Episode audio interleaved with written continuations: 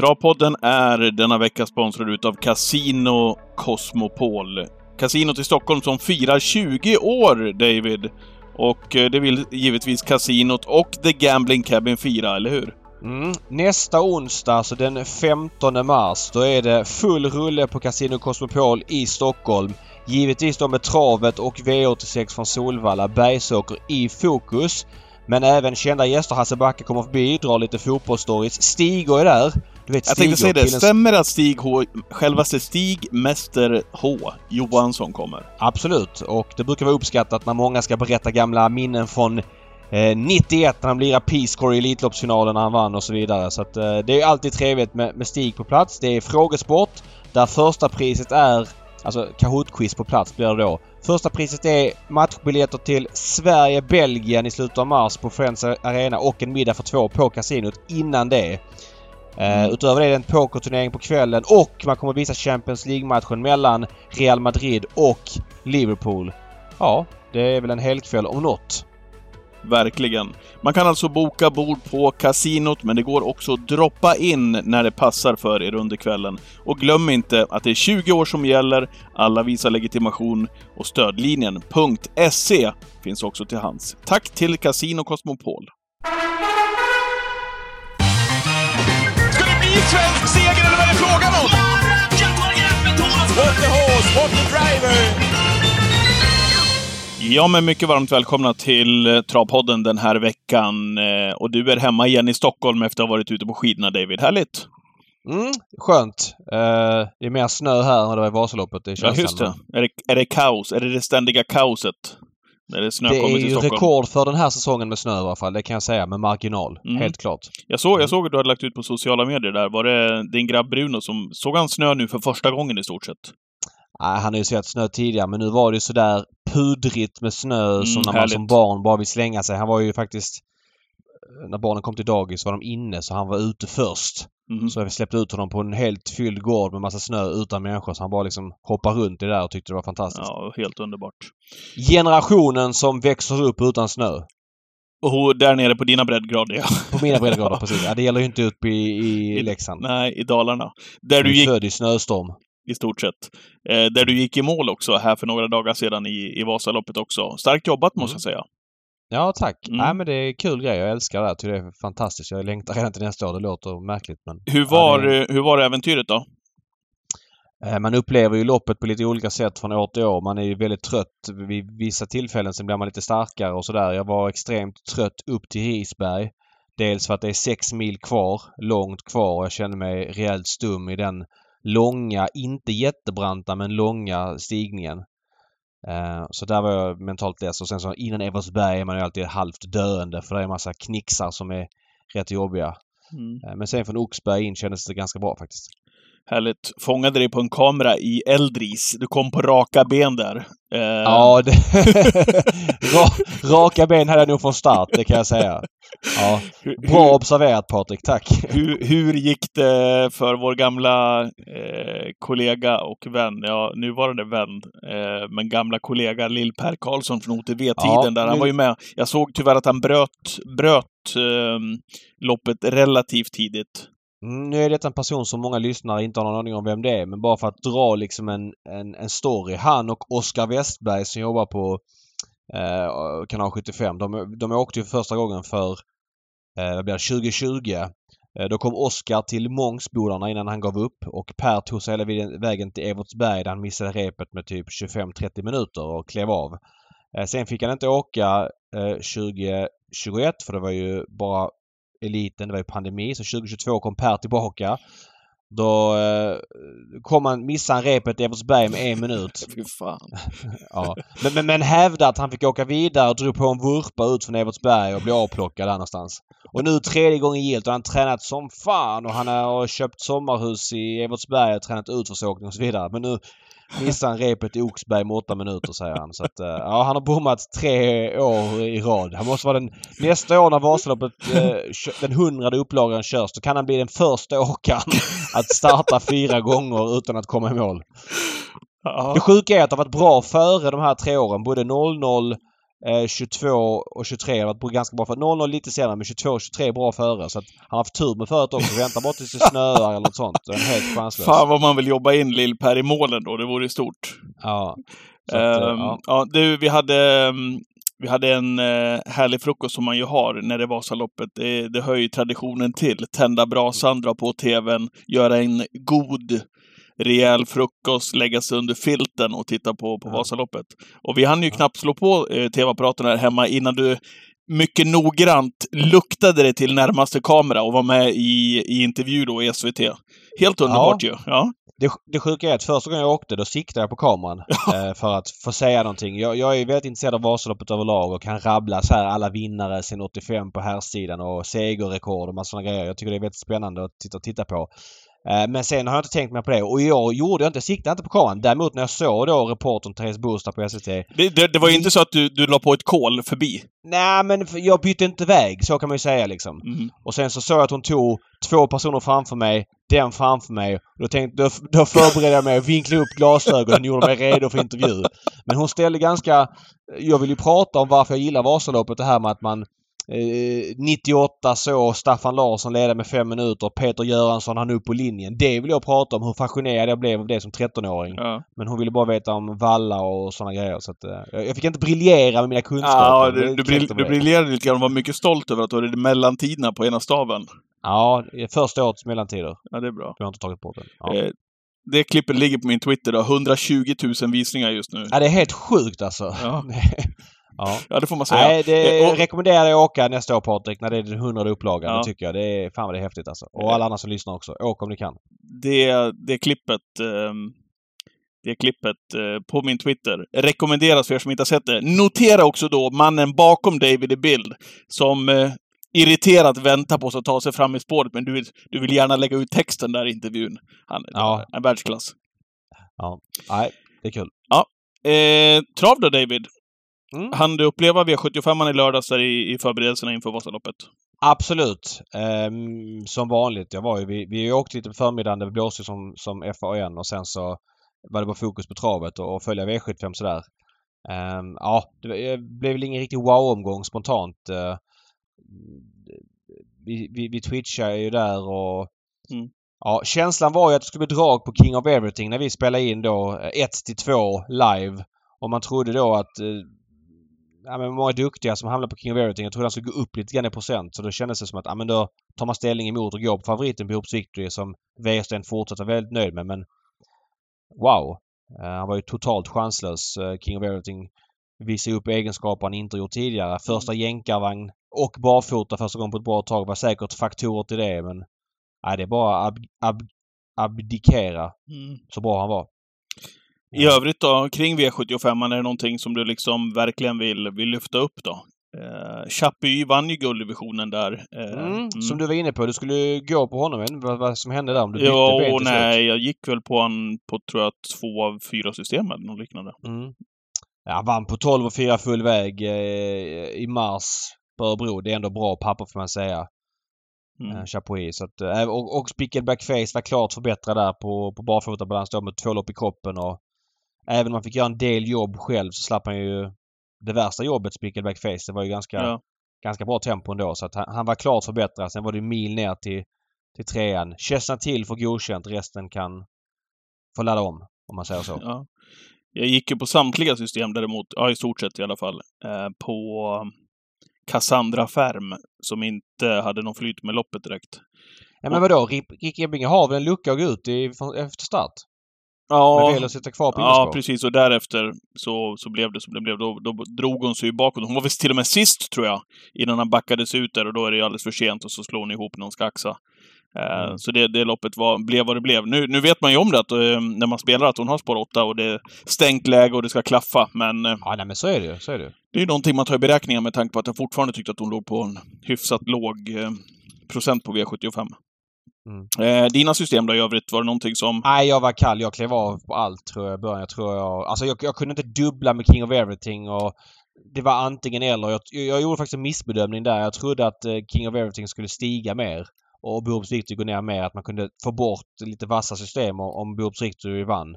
Men nej, det var dåliga... Det blev fel allt totalt sett. Jag gick ju på att King of Everything har packat ihop små gånger i spets liksom och trots Magnus analys, trots jänkarvagn så trodde jag att han kunde få ett tufft sista biten. Men, men det blev fel och så det är bara att, uh, att gilla läget. Sen mm. i övrigt så uh, vet inte.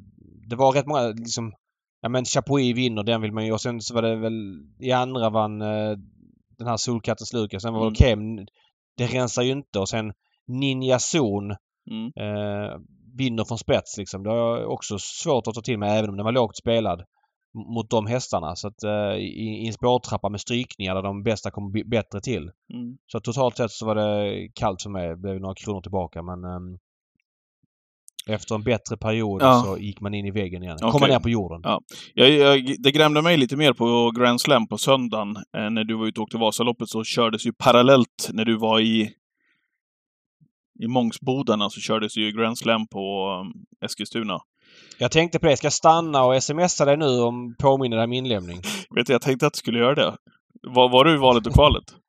Nej, men grejen var att mina pjäxor gick sönder strax innan Mångsbodarna. Mm. Uh, så jag fick... Uh, jag åkte 7 km på helt trasiga pjäxor så kunde inte skjuta ifrån och tänkte när jag ska byta dem med Mångsbodarna och få nya så tar jag upp luren och mesta Men jag vill inte ta upp luren för att Eh, ja, jag ville hålla den i fickan och inte liksom titta nej, på den. Nej. Jag, det, det, det grämde mig lite grann. Det gav 25 000 nästan, 7 rätt. Och mm. Jag spikade ju Romance, apropå trendhästar, eh, spikade Romance i den sista avdelningen som jag hade sett på Romme och svarade för ett fruktansvärt fint lopp gången innan. Tänkte att det här mm. måste vara jättechans på den. Och hon toktrendade ju neråt. Och så var det ja. jättetrend på Västerbo Blizzard. Mm. Uh, ja, nu blev ju loppet vad det blev, men uh, det, det, är en fin häst, Romance. Gick ju på henne, eh, hon vann. Eh, däremot så eh, sprack jag i första avdelningen, som på så många andra. Du sa Solkattens Lukas vann på V75. Solkattens Ferrari vann i första avdelningen på Grand Slam på söndagen och jag hade ju garderat hyfsat friskt ändå på ett av systemen där.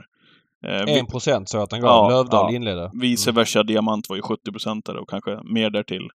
Men ja, flög där. Resten satt. Nya tag. Såklart, på lördag. Alltså, Grand Slam 75 är en fantastiskt rolig spelform tycker jag. Mm. Med en krona raden. Det gör det liksom mycket mer skillat än vad V75 är. Eh, tyvärr för Grand Slam 75 så täcker den ju ofta travlopp som är ihåliga. Det finns inte hästar till att köra sju eller fem jämna lopp på söndagar utan det är väldigt skiktat och då, då får inte den spelformen sin potential. Jag skulle säga den spelformen med jämnare lopp. Jag tror det hade varit mm. en jättesuccé. Ja. Uh, verkligen. Ja. Men uh, ja, tyvärr så, så, är det svårt att få allt när V75 just nu är väldigt jämnt och har varit inne i en bra period i ett par år, framförallt sista året, så, så är det svårt att få till överallt. Så att, uh, ja, lite synd men, men så fin spelform. Mm. Jag tänker så här David. Eh, vi ska mm. ringa upp Per Nordström som är vår gäst, eh, som sitter och väntar på att vi ska höra av oss till honom nu. Eh, och sen när vi kommer tillbaka tänkte jag att vi skulle prata lite grann om hans nuvarande Jägersro-kollega Konrad Lugauer som är på väg upp över i landet upp till Menhammar stuteri. Vi ska också toucha vid, vid eh, vintermeetinget som avslutas med seger för Horsey Dream. Så vi kan väl ta det efter vi har pratat med Per Nordström. Låter inte det som en vettig idé, eller? Det gör vi. Vi ringer upp här nu och kollar läget. Han har ju ändå lördagens stora snackhäst, eller en av de stora snackhästarna, Verkligen. Örnas Prins, där Per har sagt tidigare för att han jagar en rosa biljett på lördag. Välkommen till Travpodden, Per Nordström. Tack för det. Tackar. Är, eh, hur är status för dig? Vi, vet, vi förstår att det är, eh, du har mycket att stå i just nu när, när vädret ställer till det lite grann. Ska du berätta för oss? Ja, eh, onsdagarna har vi lite lugnare. Det är lite skoning och igår startade vi några hästar som gick barfota. Så att vi, vi har inte så mycket fortkörning. Vi har kört lite unghästar idag. Men det var många timmar i traktorn, eh, både till att harva på morgonen och få banorna mjuka och fina. Och sen var det lite tjällossning och slabba på eftermiddagen. Så då väntade jag precis när solen gick ner och började hyvla till materialet och jämna till det och så. Så att eh, då fungerar det bra här. Så att jag håller på precis nu in i det sista innan ni ringde. Okej, okay, men varför måste man göra det när solen går ner? Ja, det är just att det var lite tjällossning så att eh, då vill jag ta hjälp av att precis i brytpunkten det börjar frysa lite grann. Då liksom frystorkar man materialet så att det går inte att hålla på i slabbet och jag fryser det för mycket då, då får jag inte till banan heller. Så att eh, det var precis måste man tar det i rätt tidpunkt när det börjar frysa lite. Men hur, hur är det där Per? Jag menar förr i tiden då pratade man om bra travtränare. Nu känns det som att man, för att få en bra travtränare, många också som pysslar om sina egna banor, eh, laborerar med dem så att man får det underlag man vill ha och så vidare. Det känns som att det krävs en det krävs en, en ganska stor sidokunskap vid, själv, vid sidan av själva travtränandet också, som jag upplever det. Vad säger du om det? Men det är helt rätt och det är ju så att det, det är där grund, det är grunden till allting, att man har de perfekta förutsättningarna, att man kan träna på ett skonsamt underlag. Det ska vara jämnt och på sommaren ska det vara vattnat så man får rätt spänst i banan och det. Så att det där är ju det är liksom fyra årstider och man ska göra fyra olika saker med banan. Så att eh, eh, det, det jour hela tiden, så är det bara och, och, man måste göra rätt saker vid rätt tidpunkt just också. Du, eh, travåret har smugit igång. Du är inte någon som är känd för att starta speciellt mycket på vintern utan du kommer ju när de större loppen drar igång. Vad säger du om starten så här långt på ditt år? Du har startat 15 starter och ändå vunnit fyra. Kört in 247. Eh, är det någonting som du är tillfreds med? Ja, men det, det är väl så. Vi har startat några hästar här under januari, februari och eh, nu får man jag balansera hästarna eh, som jag vill här från första mars, vilket jag tycker om.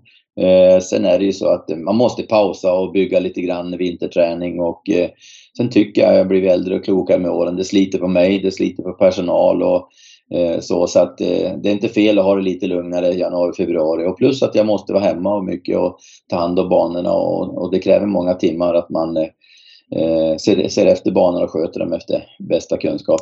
Jag, jag, jag hörde det du sa, vi sa det här nu för någon vecka sedan. Du, du gillar ju inte barfotaförbudet.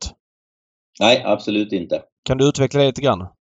Ja, det är ju så, för det första så eh, har vi ju ett avlångt land. Jag kommer själv från Boden så jag vet ju precis första mars, det finns ju inte en chans att köra barfota där på isbanan och det. Så att jag tycker man skulle dela in Sverige kanske i tre olika zoner. För i Jägersro då kan vi i princip ha Eh, bomullsbana året om. Liksom. Det kanske är en eller två tävlingsdagar som det kanske inte är lämpligt under vintern. Men i Norrland har du isbana. Det, det går ju bara inte att köra barfota. Så att, eh, det är ett avlångt land med olika klimat. Och, Sen tycker jag det är ju liksom det där med spelarna, naturligtvis ska vi respektera dem. Jag tycker franska modellen fungerar bra. Eh, men, men vänder man på det här nu att eh, nu på vintern säger spelarna att eh, nu vet vi vad som gäller. Ja, men det, på sommaren skulle man kräva tre månader så att alla måste gå barfota då. Det skulle inte fungera för alla hästar. Så att, nu kräver vi att alla hästarna ska gå med skor, vilket inte fungerar för alla. Och vissa de pausar man och startar inte under vintern. Och Eh, som sagt var, så att eh, det passar inte alla och det gör det inte på sommaren heller om man skulle tvinga alla att gå, gå barfota.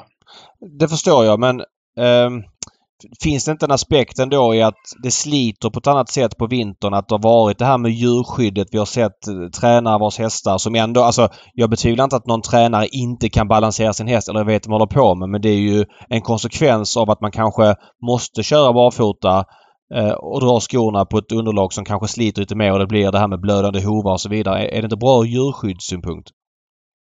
Jo, det är det ju naturligtvis, men vi jobbar ju hela dagarna som travtränare under djurskyddet.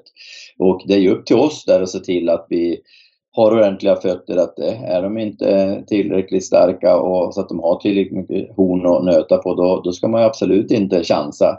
Och då ska det vara rejäla dryga böter tycker jag. Okay. Men det är klart, lite sämre horntillväxt är det på vintern och det är lite vassare grus också. Men det, det, tycker jag det borde vara upp till tränarna att kunna bedöma och avgöra det. Tror du att det kan också komma, eh, att det här har kommit av att eh, vi tävlar inom travsporten med, eh, ja men det får man väl ändå säga, med, med, stor skillnad på kvalitet på travtränare. Alltså kunskapen hos tränarna som är i den absoluta eliten jämfört med de som har det mer på en hobbynivå det skiljer sig ganska så markant. Och, alltså förstår jag menar? Det, det, risken kanske att kunskapen på de här mindre tränarna som inte jobbar med det fullt ut, att de inte har samma kunskap och att det därmed också blir större risk för skador eller blödande hovar som är David inne på. Att det också blir en konsekvens för alla menar jag. Jag håller inte riktigt med där. Det kan ju vara så att ett storstall med 150-200 hästar lämnar över lite grann till hästskötaren och har inte helt hundra koll på alla sina 200 hästar. Och Eh, det kanske inte finns horn riktigt tillräckligt den dagen och det är hästskötaren upp till han att plocka av skorna och, och, göra den bedömningen och så. Så att en mindre tränare anser jag har bättre koll och kanske skor sina hästar själv också om du har en 10, 15, 20 hästar i träning. Så att det, det är både för och nackdelar med, med det hela, att man säger med, med mycket häst och lite häst och det. Så lite stall, då har du bättre koll på det hela. Kan ha den tiden alltså till det. Eh, du sa lite grann den franska modellen här. Där är det ju barfotaförbud för alla treåringar. Det är, någon, är det någonting du skulle vilja säga i Sverige eller det vill du inte säga? Nej, alltså det finns ju ingen forskning som stöder det, stödjer det alltså. Så att, eh, och eh, jag har ju både pratat med veterinären Staffan Lidbeck här som har varit med och filma med höghastighetskamera Peder Fredrikssons hästar som har så otroliga framgångar nu med både fått eh, sjuka, dåliga hästar friska så att, eh, i och med att han har tränat dem barfota. Han har tävlat mycket framgångsrika alltså i världseliten och eh, kör ju mycket anamma barfota och där ser man på hastighetskameran att eh, en, en oskodd hov den drar ihop sig innan nedslaget och förbereder sig för, för nedslaget har ju en helt annan funktion än en, eh, en skodd häst som man låser hoven med. En sko alltså. Så att eh, hoven jobbar på ett annat sätt men man måste ju ha ett slitageskydd om de har för tunt med horn att springa på för att eh, blödande hovar ska vi absolut inte ha. Men, men du, du, menar att det inte finns någonting som stöder att i Frankrike kör man då med skoförbud för treåringar att det skulle ge längre karriärer? För känslan är ändå att det är väldigt få franska hästar som Eh, försvinner efter tre och fyra säsongen om man jämför med toppen i Sverige. Tycker jag spontant. Jag har inte forskat på det här ämnet men tittar jag på eh, ja, men, franska storloppsvinnare som två, tre och fyraåringar så är känslan att de generellt sett räcker längre upp i åldrarna och gör fler starter. De har ju ett, ett större program för äldre hästar. Framförallt Vincennes Vintermeeting, det är 6 till 10-åringar och sånt. Och upplever kanske att vi i Sverige går mer mot USAs modell. Att vi ja, men, tävlar mer som unghästar. Vad säger du om det? Ja, det finns ju många skillnader mellan fransk travsport. Om du bara tar utformningen på banorna så tävlar de på med mycket större kurvradie och längre banor vilket är mycket, mycket skonsammare för hästarna än att vi kör så fort som vi gör nu i, i, i vad heter det, våra lite snäva kurvor och det. Ehm, så att eh, det är lite klimat spelar in också det. Så att, ehm, Eh, sen har du en annan, den här franska stammen också på hästarna som gör att du får hållbara, det är ju det man vill ha, den mixen med franskt och amerikanskt blod och så. Så att, eh, ja, det finns många aspekter där men det finns ingen forskning som tyder på att det ska vara något skadligt utan eh, en oskodd hov, den jobbar bäst och tar emot stöten absolut bäst alltså. En fråga där med, med banrad eller bankurvorna på svenska banor. Alla tränare verkar vara ganska överens om det. Eller jag har inte hört någon som säger att det är skonsamt utan alla blir mer och mer inne på att det sliter på hästarna. Eh, hur ser det ut när, när Travtränarnas riksförbund har möten och, och om den här frågan, doseringen på kurvorna och slitaget där. Är det någonting man försöker påverka, göra någonting av? Hur vill man att det ska se ut för att det ska vara optimalt? Men alla är väl ganska överens kanske om att vi kör ju bra mycket fortare nu än doseringen som är, alltså idealtiden på banorna. Så det, det kan variera mellan 20 och 25. Då Eh, slår hoven ner med 90 graders nedslag alltså i, och, i, i svängen. Då. Och kör du fortare då får hästen ligga ner och snedbelasta skelettet. Så att, eh, att vi behöver lite större banor med större kurvradio, det, det är inget snack om saken nu när vi kör så pass fort vi gör med hästarna. Men nu, nu har vi ju 1000 meters banor. Skulle minska dosering för, göra det mer skonsamt för hästarna? Ja, doseringen den, den eh, får man ju anpassa till kurvradien och, och det, det, finns ju. Det är ju Lasse Sandström som jag har lärt mig mycket av när jag byggde min bana där. Det. Så att vi byggde min bana efter den farten som jag vill träna mest, alltså 25-26 tempo här. Det är idealtiden när jag kör i mina svängar. Då slår hoven ner med 90 grader. Där ligger jag och kör mycket intervaller och tränar mycket. och Det. Så att min bana är byggd efter den hastighet som jag vill träna mest. Alltså. Okay. Så att tävlingsbanorna är lite mer doserade men, men ändå för lite alltså. Som mm. 1000 metersbanorna vi har. Så att större kurvradie, då, ska den, då naturligtvis kräver det mindre dosering. Okej. Okay. Eh, om vi kollar till eh, det som det snackas om den här veckan inför V75 nu till, till helgen Per, så är det Örnas Prins. Och med ditt resonemang där, det, det låter inte som att det är en tillfällighet att han kommer ut i Halmstad just för att han får tävla barfota också, eller vad? Så är det.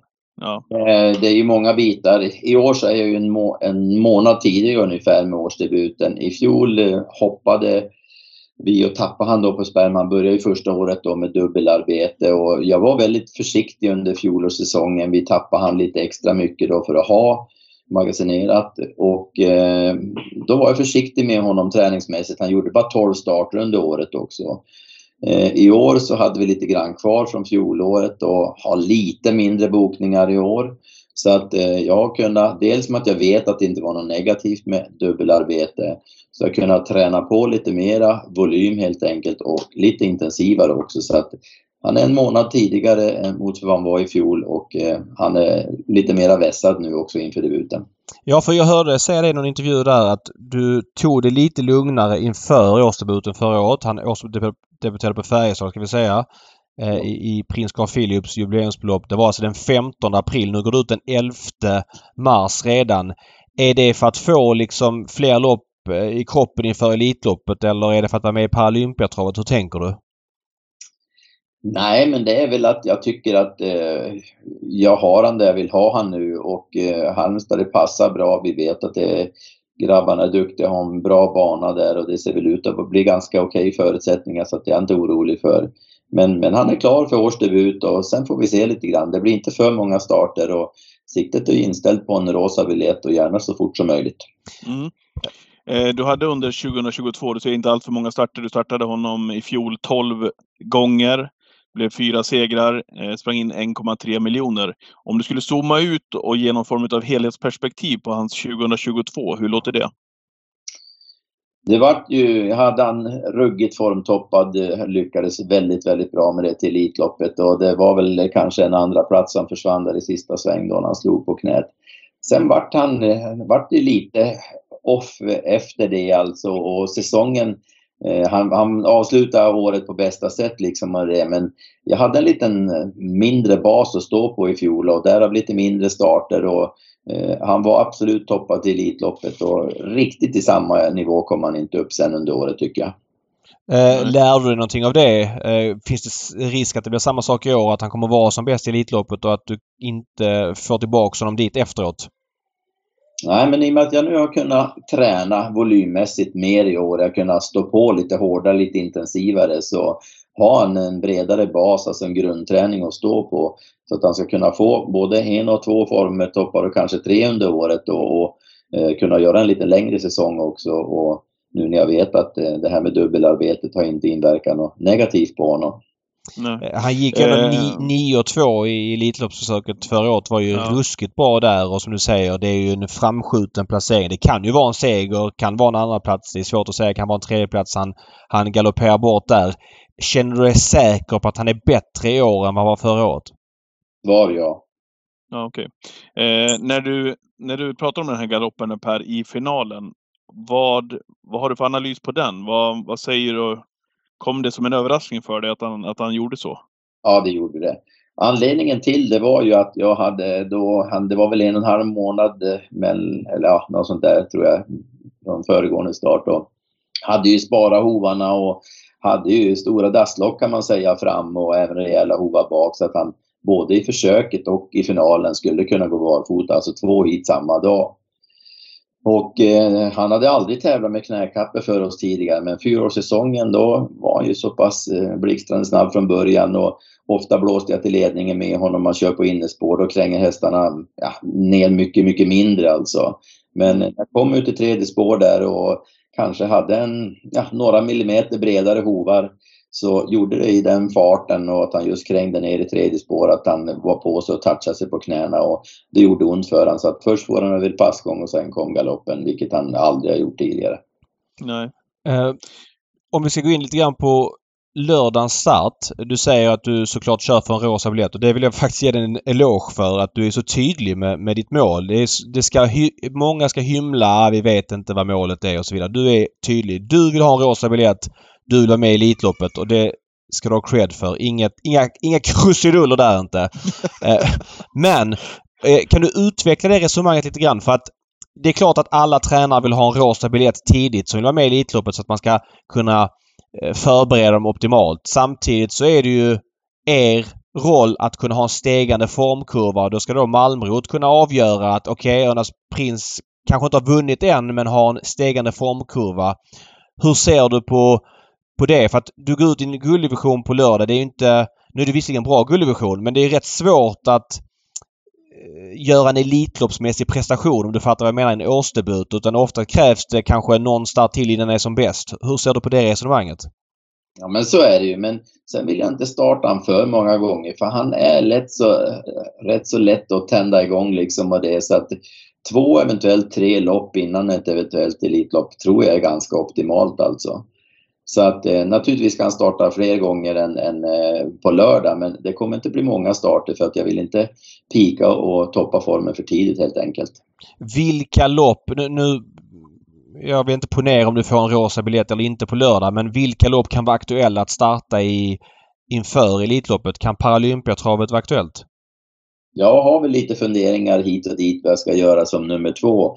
Men eh, det som kan vara en lämplig preparé 14 dagar innan Elitloppet i så fall om det skulle bli så att vi får en inbjudan. Det är Copenhagen Cup då med, med liten kort resa och nästan på eh, hemmaplan då så att eh, det hade suttit fint som en genomkörare. Sen får vi se vilken väg jag tar mellan Halmstad och eventuellt Köpenhamn då. Kan det bli aktuellt ah, okay. med Finlandia och då tänker jag att vinnaren där är garanterad en biljett? Nej, det blir det inte. Jag vill inte iväg och dra iväg på lite långresor och så innan. Han kommer att få stå på hästbussen och det så att eh, vi har ju lite mäckigare och lite längre härifrån Skåne man ska åka dit och det så att eh, eh det står vi över det här året. Okay. Men, eh, kan det vara så här Per, att om du får indikationer från Malmrot, vi säger efter lördagens start här om man gör en bra prestation. Kommer du matcha på ett annorlunda sätt om du får signal från Malmrot att, att du kommer vara med i Elitloppet jämfört med om du inte får det, om du förstår vad jag menar. Kommer du, har du två olika planer i, i, i huvudet? Jag har haft matchningen klar hela året och fokus är på, mot Elitloppet och det, så jag matchar och går för det. Okej, okay. en plan? Ja. ja. Om vi pratar ja, lite, lite lördagens uppgifter. Eh, nu blev det ju årets klart bästa gulddivision med råge kan man säga.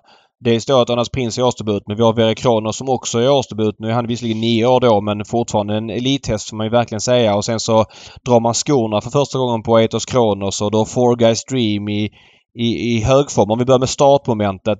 Din häst är snabb ut men det är ju även Verre Kronos som ni har sida sida. Hur ser du på det? Ja, nej, vi har aldrig mötts tidigare så att eh, jag kan ju varken säga bu eller bä där. Men att jag vet att min häst, han är ju sällan och aldrig han sett en fot fel och det går att trycka av honom från början. Och han kommer garanterat vara löpsugen och när vi kommer upp bakom bilen då kommer det braka iväg. Du, du körde ju pion för 20 år sedan när eh, hon härjade på banorna. Ja, vi, pratade om henne förra veckan var det Ja, som, ja.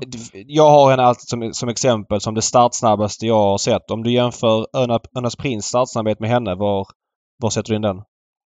Eh, jag tror han, han är snäppet vassare. Jag vet inte vem det var, vilken journalist jag pratade med, men var nere på Vincennes där sist, då var han ju inte riktigt i slag och det, men 1.00 går ju GPS-klockan ner till där. Det stannar, den mäter inte fortare. Så att 1.00 stod det ju på prinsen när vi drog iväg från början. Jag tyckte ändå inte att jag trampade gasen i botten.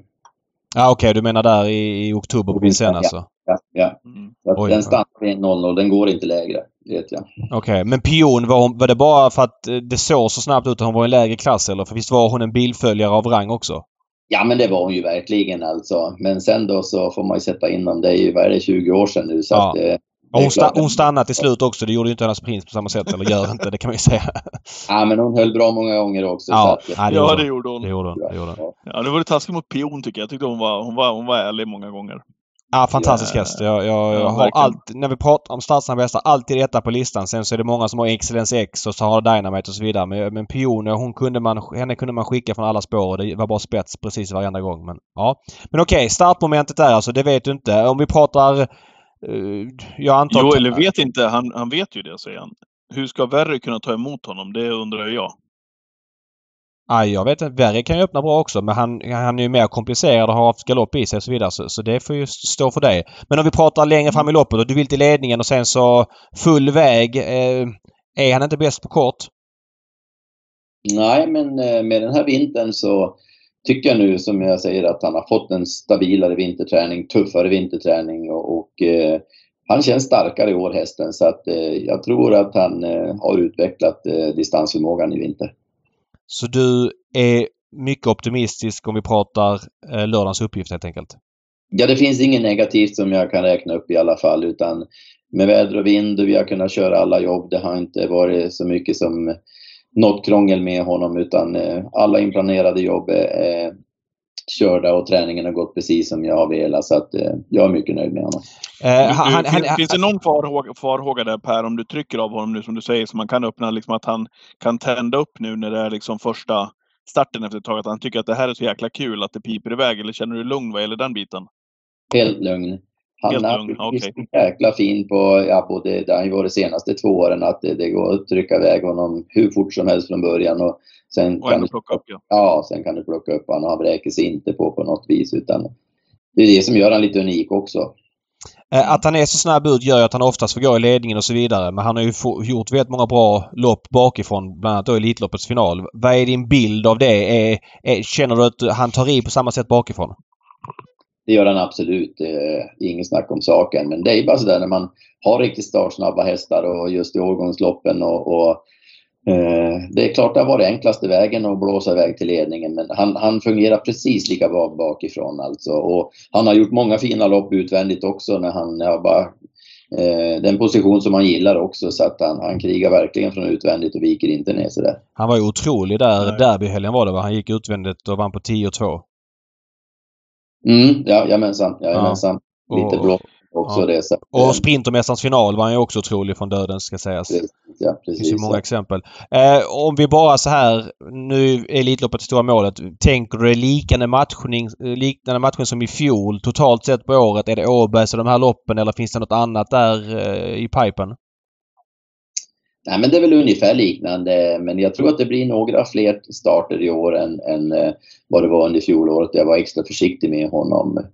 Och sen om man går på lite andra grejer som jag funderar på. Jag sitter och funderar på Halmstad här just. Jag vet att han vunnit Sprintermästaren, försök och final. Vann ett femåringslopp där. Jag vet att han vunnit som treåring. Jag undrar om inte han är obesegrad på en fyra start eller fem starter han gjort på Halmstad.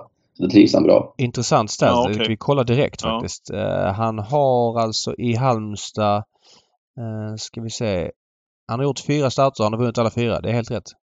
Bra. Snyggt.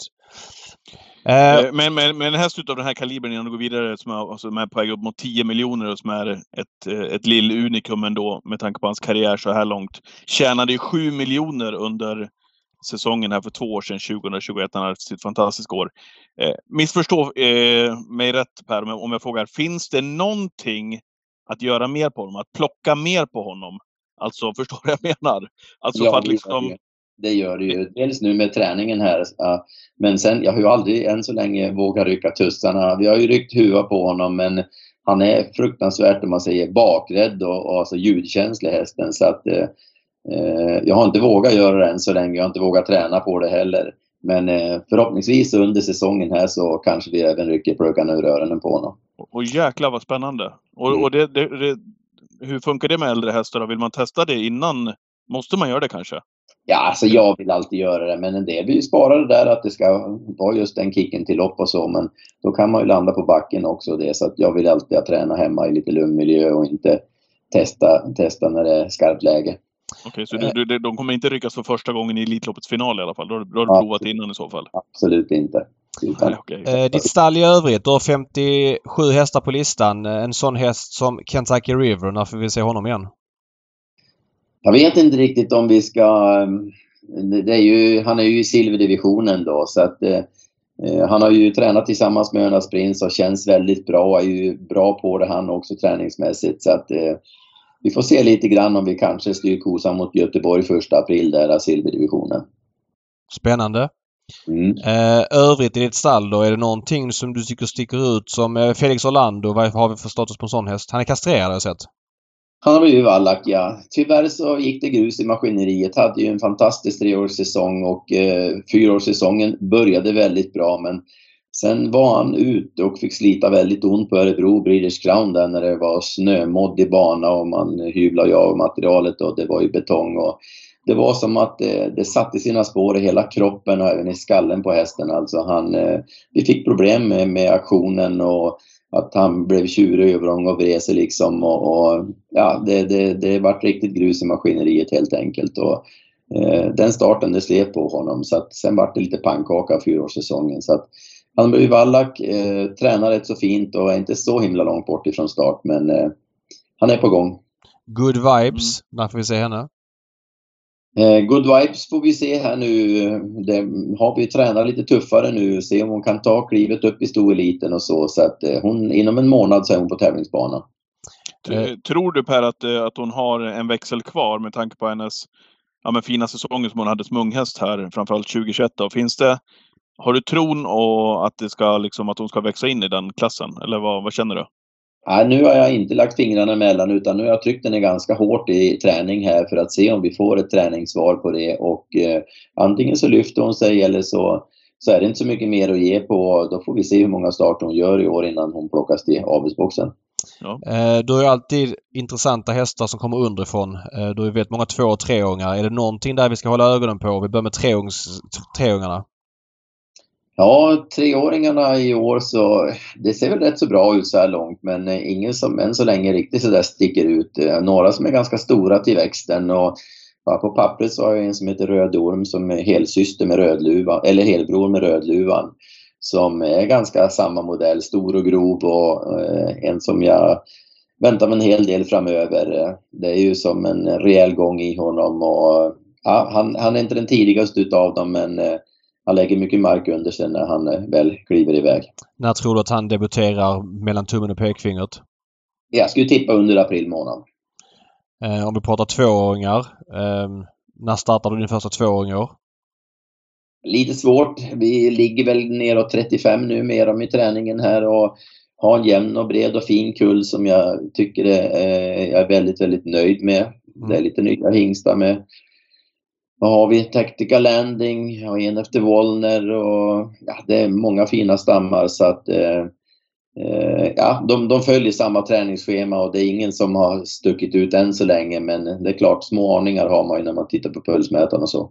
Eh, du har ju sagt vid tillfällen att du inte haft den största plånboken att köpa hästar för på många auktioner och därmed fått liksom satsa på lite nya hingstar tidigare och fått väldigt bra utslag på det. Eh, sen har då vissa hingstar då blivit väldigt heta. Real Express då till exempel som kanske inte är en ehm, ja, han, han var kanske oetablerad även om man kunde ha höga förväntningar på honom när du... Jag vet att det är någon avkomma efter honom. Vilka hingstar är det du letar efter nu när du är ute på auktion? jag har ingen speciell favorithingst utan eh, nummer ett så går jag ju efter individerna så att jag vill försöka få en så pass korrekt och, och just det jag gillar som tränare, alltså att man vill ha långa kotben och ett långsluttande kors och inte för lång rygg och vacker uttrycksfull skalle liksom och så. så att, eh, sen jag är verkligen för att testa lite nya unga märrar och även nya unga hingstar också och det så att man eh, går först för då behöver man inte betala för hela tjocka släkten brukar jag säga. Nej precis. jag fattar. Det ligger någonting i det. Ja. ja men jätteintressant Per. Väldigt intressant snack om Önas Prins. Eh, Det ska bli kul att se honom och, och spännande att följa matchningsplanen här um, under säsongen. Mm. Och kul också med eh, Kentucky River när han kommer ut där. Han 1,3 var- gränsen upp till guld är väl 1,7 så han har 400 tjäna där innan eh, han går ur. Kan vi förvänta oss att han tar klivet upp i guld under året? Det tror jag absolut eh, att han kommer att göra. Så att, eh, han har tränat jämte Önas Prins hela vintern här och, och han matchar hans puls pulsmässigt väldigt bra. Så att han har en fin säsong tror jag framför sig. Ja. Eh, frågade du om Global Coldplay, David? Nej, det ska vi faktiskt Nej. nämna också. Han startar ju Då kan faktiskt vi göra det innan vi avslutar här. Vi Ja. startar nu på lördag. på lördag. Exakt. Vilket lopp var det? Det var lopp... Eh, det var Eh, utanför. fyra. Lopp fyra. Lopp fyra. Vad, Mm. vad säger vi om honom Per? Ja, han är ju, det är voltstart den här gången. Han är ganska rask ut bakom bilen. Medel är han när det gäller voltstart. Jag plockar av han alla fyra skor också och eh, distansen är väl inget minus. Eh, han gjorde det väldigt bra näst sist när han vann över lång distans. Så att han står distans men jag tycker att det är några 20 bakom där som kanske är lite för bra. Det är väl Concrow där som är med bland annat och eh, jag tycker det kan vara en vettig platschans på det fina läget.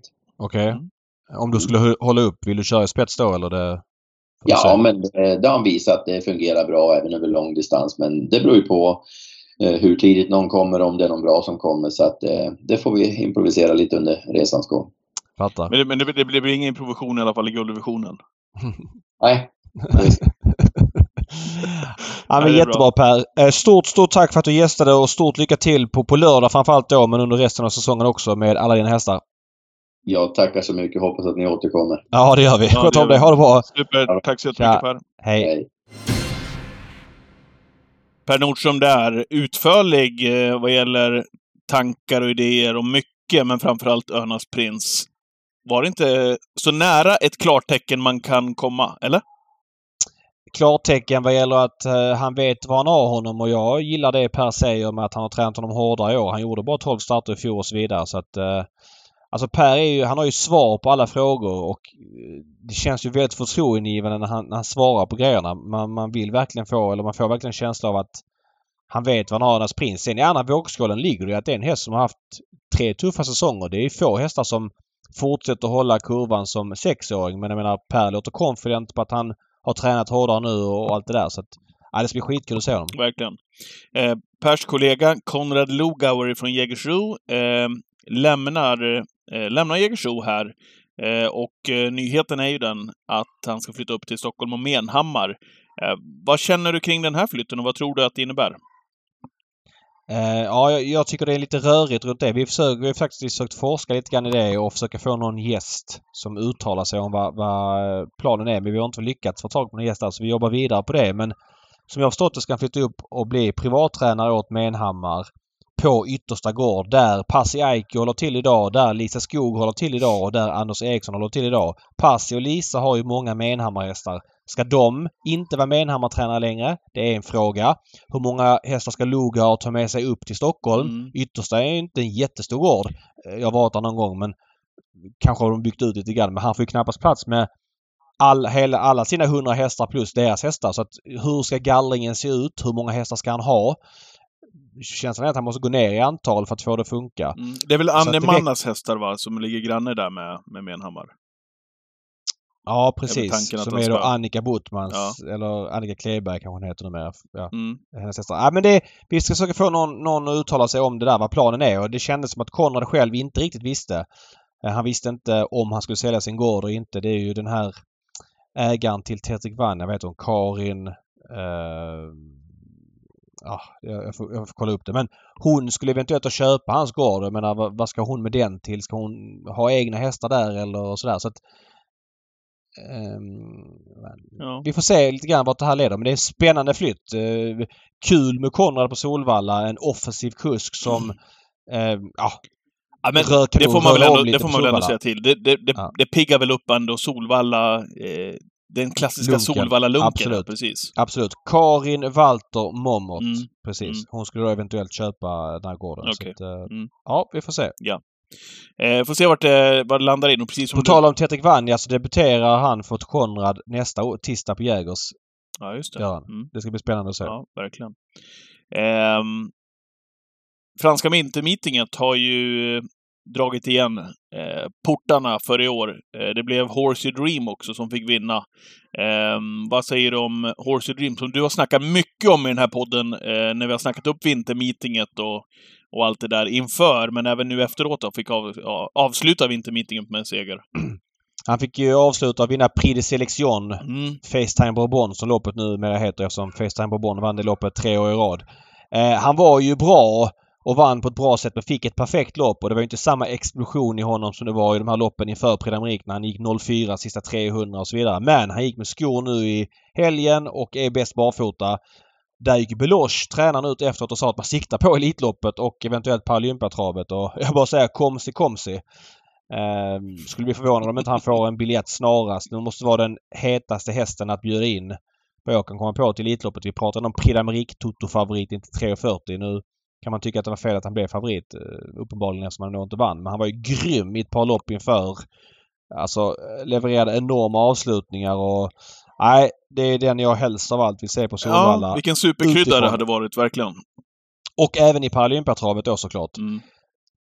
Um, kul! Och nej, jätteglad över att man är så positivt inställda till att komma till Sverige. Ja. Så att, eh, och då med Erik Raffin som kusk som också blir en, en faktor i sig. Skicklig Ja men eh, häftig, häftig grej. Mm. Eh, jätteglad blev jag. Att det är inte så många fransmän som säger det liksom att vi siktar på det här och det här i, i, i, Sverige utan de brukar säga Elitloppet vi får se. Mm. Men här är man tydliga. Ja. Jag blev väldigt glad.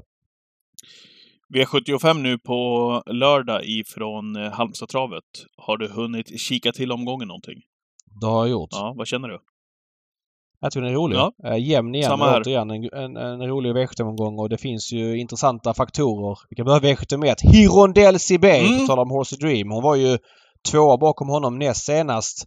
Men flyttades ner, eller blev diskad för eh, eh, trängning var det va? Och sen senast tappade hon travet och blev diskad för det. Tvåa bakom Calgary Games i Europaderbyt 2021. På Åby eh, från ryggledaren.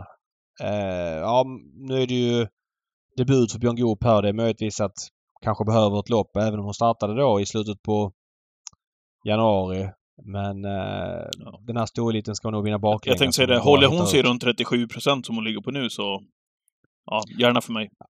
Ja, men spår ett är ju lite lurigt. Hon öppnar väl okej i den Åby-starten men eh, kommer hon bara ut så ska hon bara jogga hem det här. Det är väl känslan.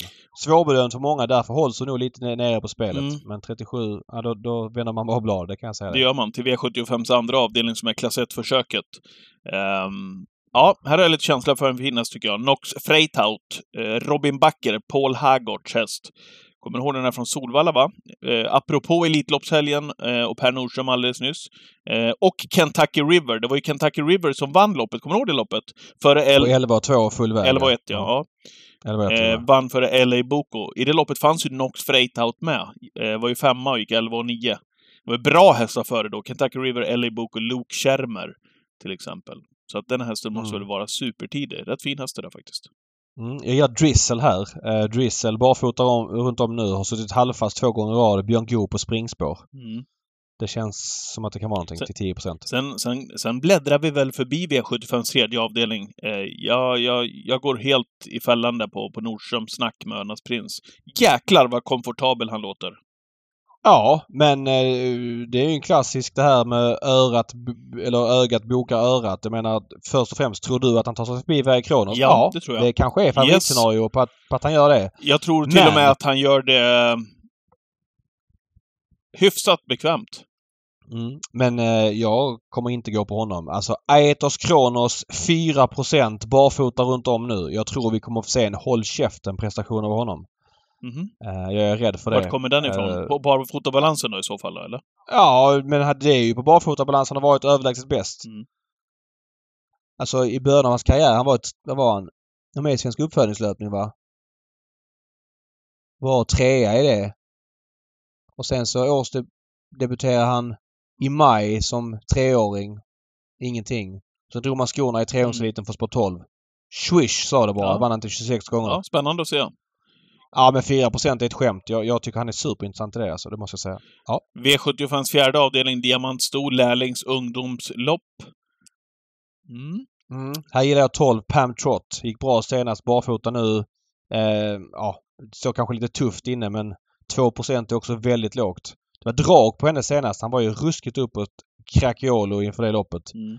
Eh, kanske får ta revansch nu eller om det var Lubrano som var uppåt sen inför senast. Men eh, någon av dem var det. Simon Helm. Simon Helm lär väl inte lägga något spel på våran sida, spel och lekkontoret på lördag? Nej, han, eh, han håller spelar stängt för honom för han kör ju här i V75 4. Ja, nummer Bell. 14 Sunnybell, ja.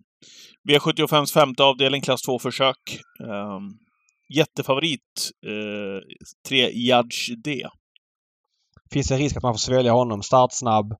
Verkar rätt uh, lättplacerad och travsäker. Och, ja, men, det känns som en stabil uppgift. Har bara galopperat en gång i karriären. Men eh, ja. eh, det är ju skor på honom. Det är några som drar skorna. Det känns som att det är tuffa motstånd ändå. Sen vet jag inte om det är någon som räcker för att slå honom.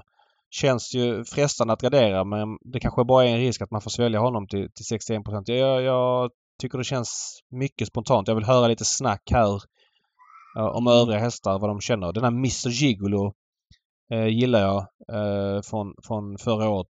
Från, från Goops stall. Eh, ja, nu har han gjort två lopp i år. Ja. Kan det vara dags nu kanske? Jag vet inte. Kanske svårt att slå en sån pass bra häst från spår 12. Men eh, ja, kluven känsla. Ja, V75s sjätte avdelning, det är bronsdivisionsförsöket. Favorit 5 EL Jetpack. Med skrällkusken från Grand Slam i söndags, Andreas Lövdahl. Nu kör han åt eh, arbetsgivaren Timo Nurmos. Vad säger du om Mm, EL man- Jetpack då? Det låg ju lågt med honom eh, på V86 senaste Mm, årsdebuten. Men vann ändå enkelt på ett bra sätt och det är ju inget att säga om det.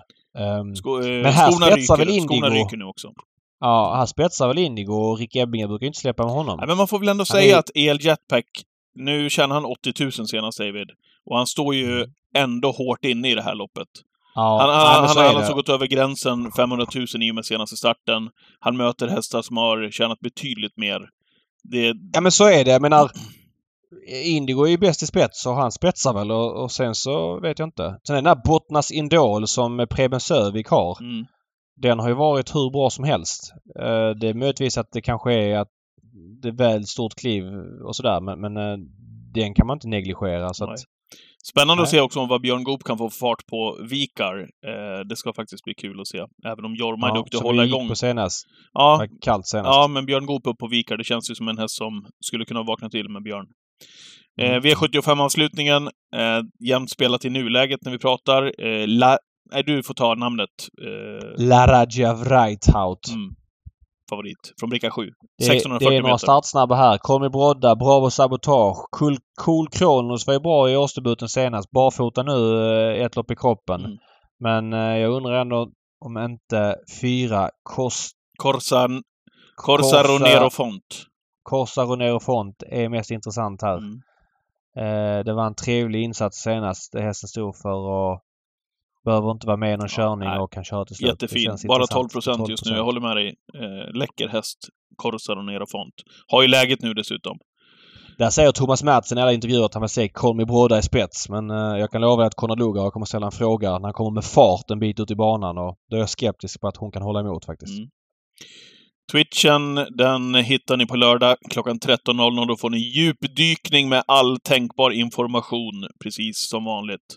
Eh, 13.00 Twitch nu på, på lördag alltså. Okej, eh, då ska vi runda med eh, vass och kass.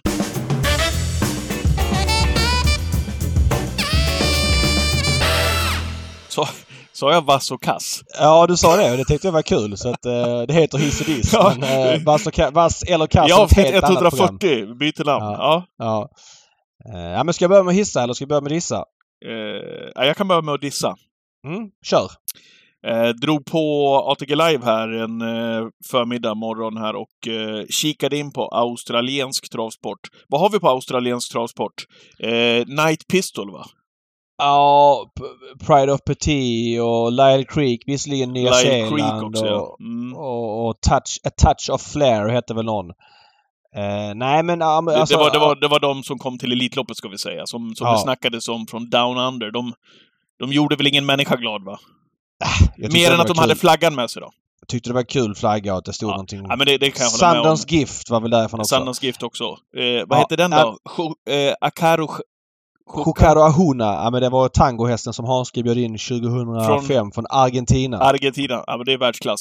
Det, Ja. man, behöv, man behöver sådana inslag ibland. Men det var inte där jag skulle landa eh, när Nej. gäller eh, australiensk travsport. Utan det är när man råkar slå på det då på, på ATG, som sänder loppen, så vill man väl helst stänga av direkt. ja, det Eh, och det, det där var, ja men det är tillfälligt att man, man drar på, ingenting för sig, sitter och tittar lite grann. Och så ser man drivningarna som inte har kommit någonstans längre, eh, trots att vi pratar 2023. Där har, man, där, där, har tiden stannat kan jag säga, down under. det är helt iskallt. Eh, Totalt är iskallt hur man driver hästarna och, trav, och så vidare och hur det hob- körs. Hobbles eh, på hästarna i passgång och det känns bara som en industri och jag förstår faktiskt inte.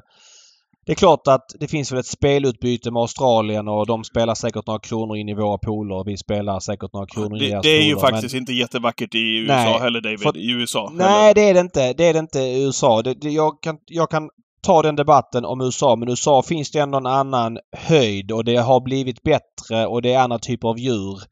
Det är liksom djur som kommer forma vår avel i många år framöver och, och jag tycker det är mycket bättre på Meadlands för att nämna en bana. Eh, och överlag. Men, men australiensisk travsport vet jag inte vad vi får för utbyte med. Och nu är det så att det fanns ju en faktor när man kunde spela på det tidigt på morgonen för att ATG inte hade något annat utbud. Men nu har ju ATG ändå kasino och sportspel eh, som kan liksom stilla den nerven. För mig känns det... Ja, men antingen ställer vi Mm. krav eller så lägger vi bara ner det. För vi supportar den verksamheten rakt ut som det är nu. Och nej, jag tycker det också är väldigt tråkigt. Ja, tills att se de loppen i alla fall, eh, är det. Så att de, å- eh, den åker in under, under veckans diss. Eh, vad har du att hissa då? Ja, jag tänker ta någonting som är rätt publikt. En kusk som kör på V75 och kör för jäkla bra för dagen. Jaha. Karl Johan Jeppsson. Trippel, alltså trippel på Romme här för någon vecka sedan. trippel på Romme och han körde ju tre hästar på V75 den dagen och det var liksom inte så att han vann med några favoriter. Visst, V var favorit till Mm. 19 men det var ju ingen man var liksom vinner med. Sen vann han dagens dubbelloppen med 3% Benita Wiener och min spik då Dynamite Sensation. Var han klar det, där? Nej, han kom tillbaks en vecka senare i Örebro och lyckades ta en dubbel på V75. Solkattens Lukas vann han med. Sen vann han med Ninja Zon också. Och, ah, han är en faktor Jeppson. Han kör... På, på V75 kör han ju ofta mindre betrodda hästar. Jag tycker alltid att han ger dem chansen. Och jag är väldigt förtjust i, i hans sätt att köra. Han är offensiv på ett kul sätt och han får fart på hästarna och han är... Alltså han har ju aldrig haft ett riktigt storstall bakom sig utan får köra mycket, får man säga, andrahandssorteringen framförallt på V75 då. Men han, han med bättre hästar hade varit liksom en, en minst lika bra som de bästa. Eller minst Så, lika så, sa du det precis eller, eller har jag bara... Att han sa är du? att, sa du precis att han, att han är en faktor i loppen? Du menar att jag sa det flera gånger eller? Nej, du, du sa det flera gånger. Sa du det? Ja. Ja, nej men det, det är precis... Ja, jag, jag, jag zoomade ut lite grann. Men det är Ja, precis det han är. I loppen så är det ju... Taktiskt sjukt Ja, slipad. och framförallt när man, när man ser honom i listan så är det alltid någonting att ta i beaktning, så att säga. Mm. Håller med? Nej, jag tycker att han är stenvass. Eh, Jag vill hylla honom. Jag tycker att han förtjänar att köra bättre hästar. Nu fattar jag att det finns många kuskar att välja på sådär. Sen är han stenvass ifrån springspår också. Ja. ja. Han är verkligen påkopplad kusk. Mm. Tycker jag.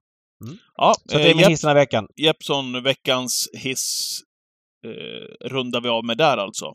Jaha David, eh, ska vi runda podden då? Ja, vi gör det. Tack för idag Patrik. Trevligt Många, snack. många undrar också vad blev tiden? Vi kanske ska ta hem det där vi började podden också, så att vi styr ihop hela säcken här. Vad blev tiden för dig på Vasaloppet i år? Sänkte du tiderna efter de här mellantiderna du hade på 27, staven? 27 minuter. Jag, Ja, det är bra. jag åkte på 11 timmar, 9 minuter och 6 sekunder. Ja. Det är du nöjd med va? Ja, det är jag. Härligt David. Många som, eh, som följer dig i spåren. Eh, grattis till en härlig insats måste vi Tack ändå säga. pepp Patrik. Tack, tack. Och eh, tack till alla ni som eh, lyssnar på Travpodden. Vi är tillbaka igen nästa vecka. Var med oss på Twitch 13.00 lördag. Halmstad, V75 gäller då. Det får bli punkt för nu. Hej.